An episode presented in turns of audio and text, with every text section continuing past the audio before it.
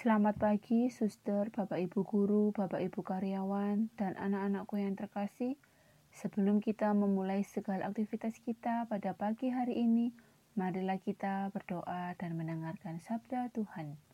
Dalam nama Bapa dan Putra dan Roh Kudus. Amin. Selamat pagi Bapa, terima kasih atas kasih karuniamu yang telah kau berikan kepada kami dari malam hingga pagi hari ini. Kami bersyukur untuk nafas baru yang boleh kami terima. Berkati dan lindungilah segala aktivitas kami sepanjang hari ini. Berkati pula orang tua, sanak saudara, bapak ibu guru, sahabat, dan semua orang yang kami kasihi dalam menjalankan aktivitas mereka hari ini. Amin. Inilah Injil Yesus Kristus menurut Matius. Dimuliakanlah Tuhan. Lagi pula, dalam doamu itu, janganlah kamu bertele-tele seperti kebiasaan orang yang tidak mengenal Allah. Mereka menyangka bahwa karena banyaknya kata-kata, doanya akan dikabulkan. Jadi, janganlah kamu seperti mereka, karena Bapamu mengetahui apa yang kamu perlukan sebelum kamu minta kepadanya. Karena itu, berdoalah demikian. Bapa kami yang di sorga, dikuduskanlah namamu, datanglah kerajaanmu, jadilah kehendakmu di bumi seperti di sorga.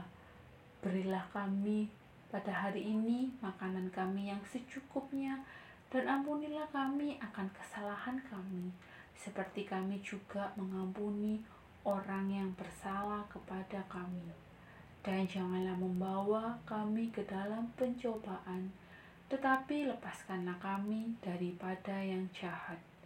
Karena engkaulah yang empunya kerajaan dan kuasa dan kemuliaan sampai selama-lamanya. Amin. Karena jikalau kamu mengampuni kesalahan orang, Bapamu yang di surga akan mengampuni kamu juga. Tetapi jikalau kamu tidak mengampuni orang, Bapamu juga tidak akan mengampuni kesalahanmu. Demikianlah Injil Tuhan. Terpujilah Kristus. Suster, Bapak, Ibu, serta anak-anakku yang terkasih, dalam Injil hari ini Yesus mengajar kepada murid-muridnya untuk berdoa Bapa kami. Inilah doa yang paling populer di hati umat Kristiani. Di dalam doa Bapa kami, kita diajak untuk melihat diri kita dalam hubungan dengan Bapa dan sesama. Ada tujuh permohonan, tiga permohonan pertama berupa harapan agar Bapa dimuliakan, kerajaannya datang, dan kehendaknya terjadi. Empat permohonan selanjutnya diarahkan untuk diri sendiri berupa mohon rezeki, mohon pengampunan, Mohon agar dijauhkan dari cobaan dan mohon agar dibebaskan dari yang jahat. Cukup menarik bahwa permohonan ampun kepada Bapa disertai dengan kesediaan mengampuni. Hal ini ditegaskan lagi oleh Yesus pada ayat selanjutnya. Jikalau kamu mengampuni kesalahan orang, Bapamu yang di surga akan mengampuni kesalahanmu. Doa Bapa kami sungguh mengesan karena kita menyebut Allah dengan sebutan akrab Bapa. Kita bukan hanya meminta, tetapi permintaan kita juga dilandasi oleh iman yang dalam akan kebaikan dan belas kasih Allah sebagai Bapa kita. Oleh karena itu, marilah kita selalu berdoa Bapa kami, karena dengan doa Bapa kami, kita sudah menjalin hubungan yang erat dengan Bapa.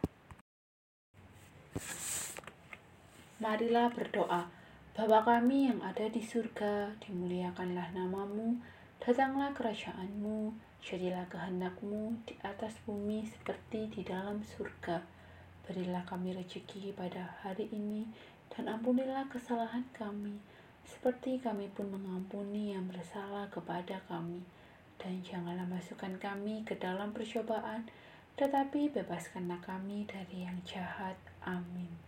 Dalam nama Bapa dan Putra dan Roh Kudus. Amin.